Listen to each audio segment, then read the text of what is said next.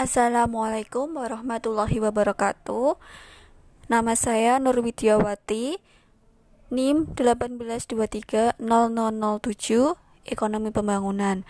Saya akan menjawab soal UAS nomor 1 atau jawaban UAS nomor 1 UAS Ekonomi Perdesaan. Soal UAS nomor 1. A. Menurut kamu sebaiknya tujuan pembangunan desa itu seperti apa? Jawaban saya adalah A. Tujuan pembangunan desa, menurut saya, pembangunan tersebut dapat meningkatkan kesejahteraan hidup masyarakat desa serta dapat mengentaskan kemiskinan melalui penyediaan pemenuhan kebutuhan dasar, pengembangan potensi ekonomi lokal, dan pemanfaatan sumber daya alam dan lingkungan secara berkelanjutan serta pembangunan sarana dan prasarana desa untuk menunjang kegiatan ekonomi di desa. Selanjutnya, B. Mengapa desa perlu perencanaan dalam membangun desanya? Jelaskan. Karena dalam Undang-Undang Desa pasal 79 mensyaratkan keharusan pemerintah desa untuk melaksanakan perencanaan pembangunan desa dalam rangka menyusun visi bersama membangun desa antara masyarakat dan pemerintahan desa.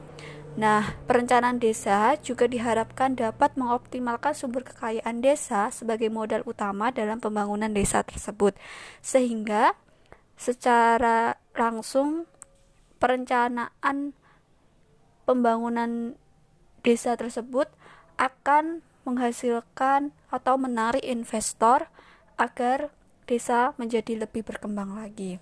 C. Perencanaan dan pelaksanaan pembangunan desa harus melibatkan seluruh masyarakat desa dengan semangat gotong royong. Selain itu, masyarakat desa dijamin haknya dalam memantau dan mengawasi pembangunan. Menurut kamu, caranya bagaimana? Jelaskan. Nah, jawaban saya adalah menurut saya cara agar masyarakat dapat memantau dan mengawasi pembangunan di desanya adalah dengan adanya keterlibatan masyarakat dalam musyawarah desa. Selain itu, masyarakat juga dapat dilibatkan dalam kegiatan pembangunan sarana dan prasarana di desa tersebut.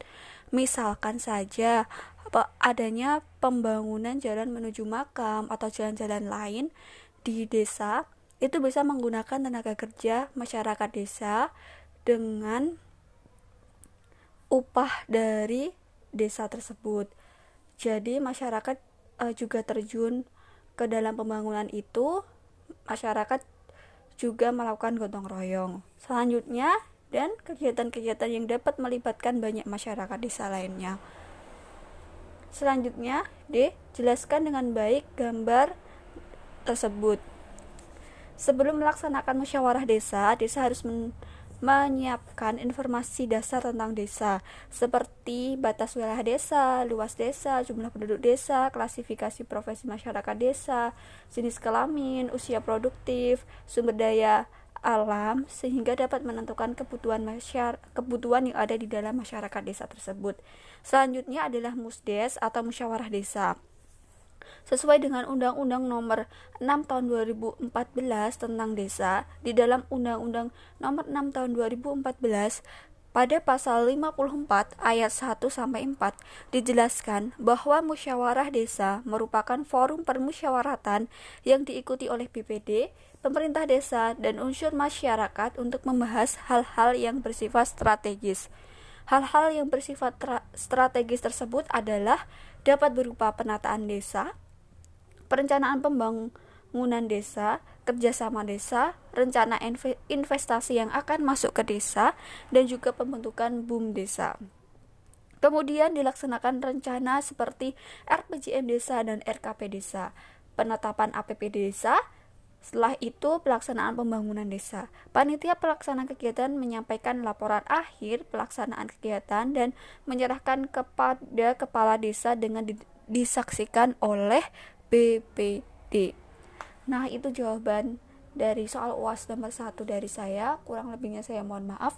Wassalamualaikum warahmatullahi wabarakatuh. Assalamualaikum warahmatullahi wabarakatuh.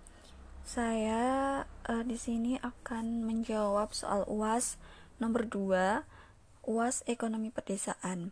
Sebelumnya, saya Nur Widyawati, NIM 1823007.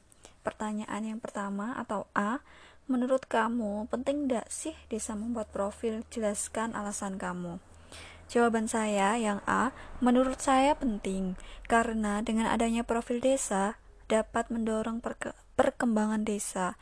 Selain itu, dapat mempromosikan potensi-potensi desa.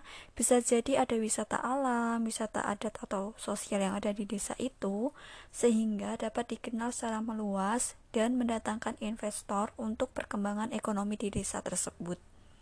Yang kedua atau yang B, data apa saja sebaiknya dimuat dalam profil desa. Mengapa? B.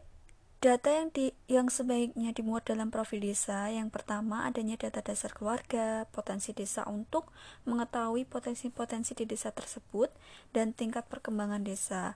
Karena data atau isi tersebut bisa jadi akan mendatangkan investor karena melihat potensi desa yang menjadi peluang untuk kegiatan ekonomi. Yang C, dalam menyusun database desa, langkah-langkah apa saja yang diperlukan? Jelaskan. Yang pertama adalah penyiapan instrumen pengumpulan data yang berbentuk tanya jawab atau atau wawancara atau juga bisa disebut dengan kuesioner. Selanjutnya, penyiapan kelompok kerja profil desa, kemudian pelaksanaan pengumpulan data, pengolahan data menggunakan tabulati, tabulasi, dan selanjutnya yang terakhir adalah publikasi profil desa.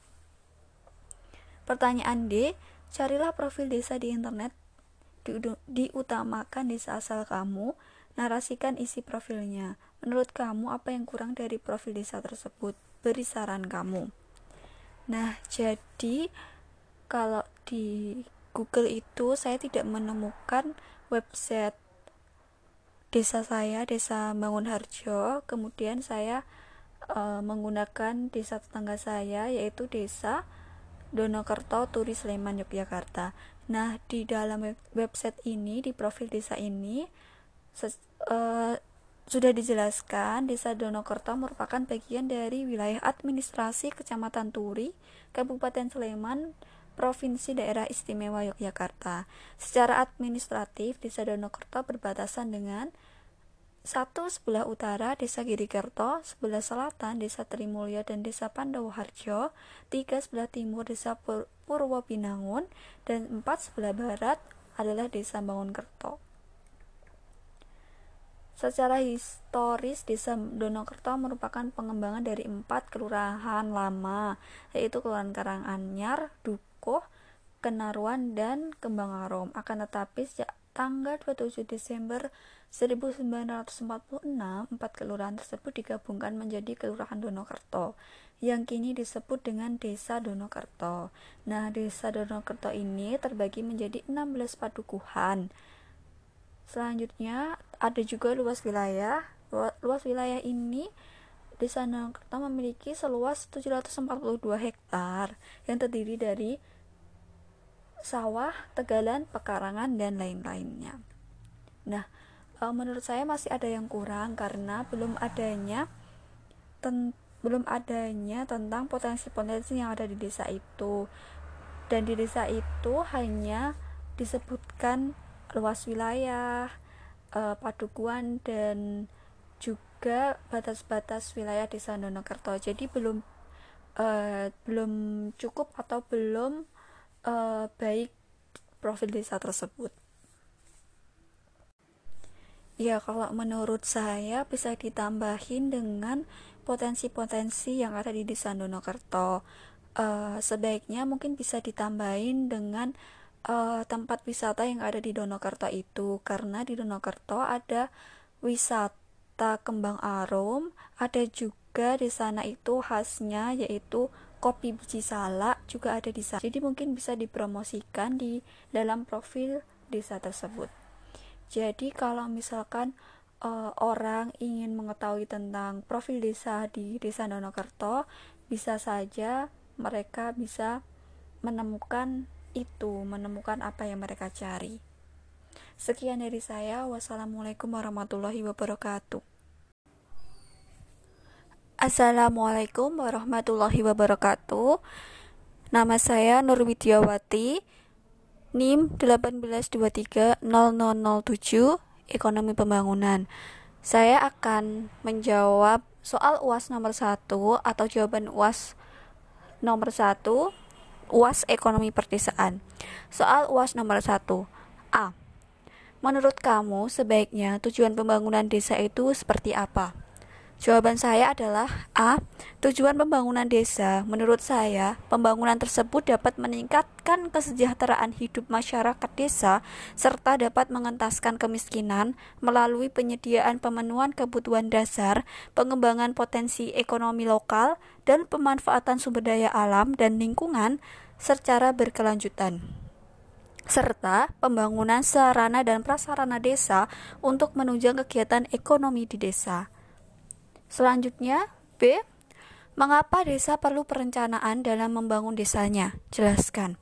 Karena dalam Undang-Undang Desa pasal 79 mensyaratkan keharusan pemerintah desa untuk melaksanakan perencanaan pembangunan desa dalam rangka menyusun visi bersama membangun desa antara masyarakat dan pemerintahan desa.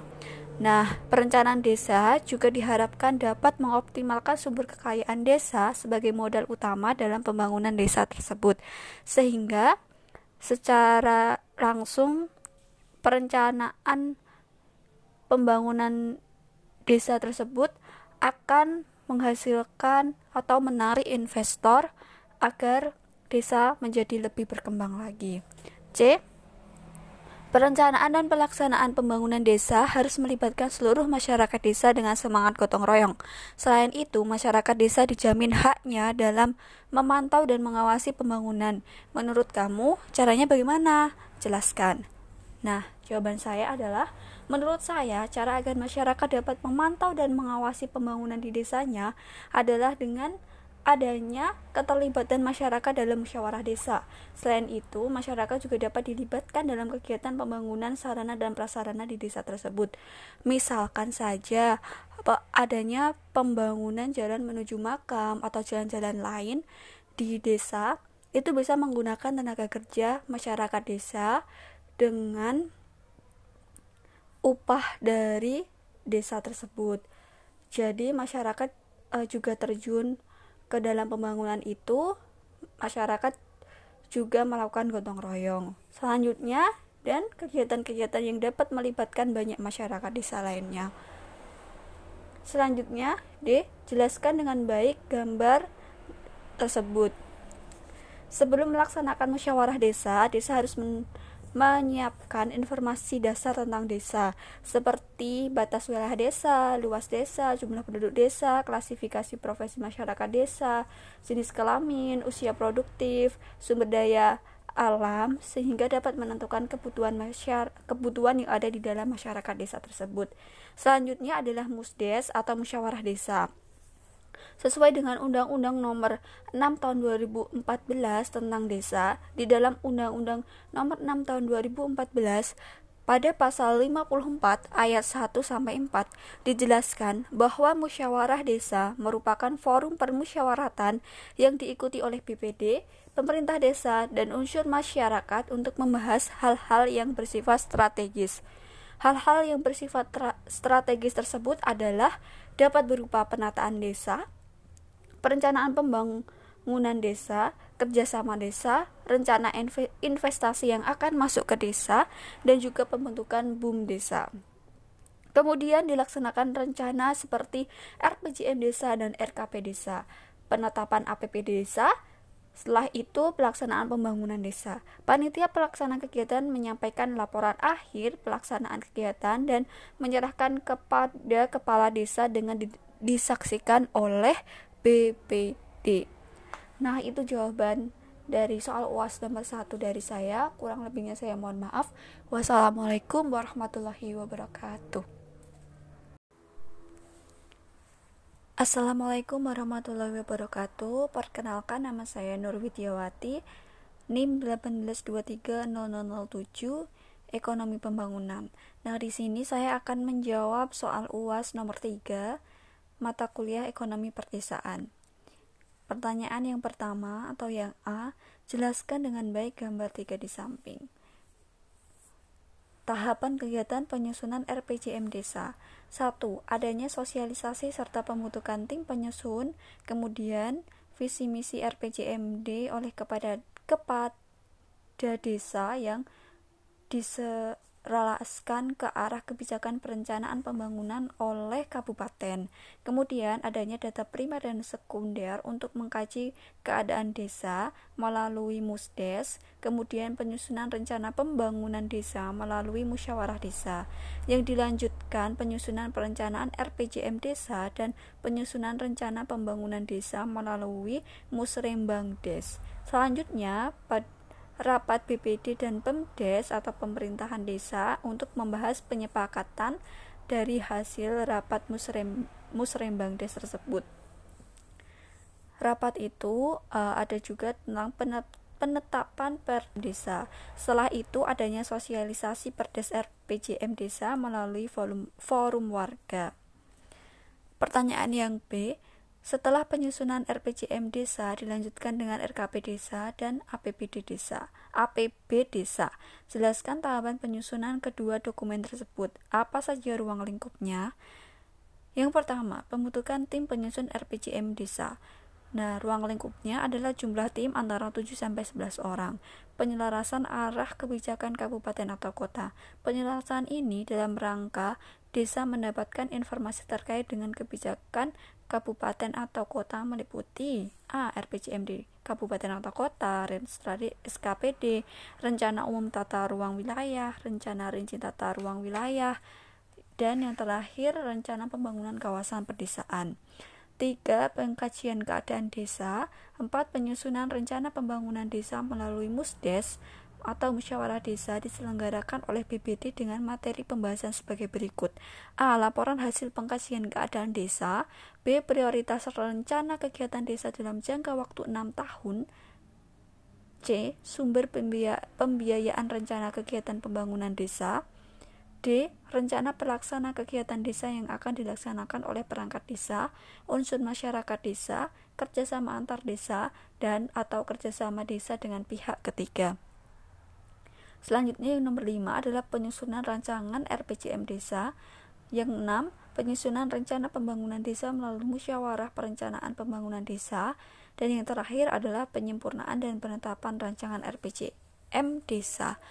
Nah, itu adalah uh, jawaban soal UT, soal UAS nomor 3 dari saya. Kurang lebihnya saya mohon maaf. Wassalamualaikum warahmatullahi wabarakatuh.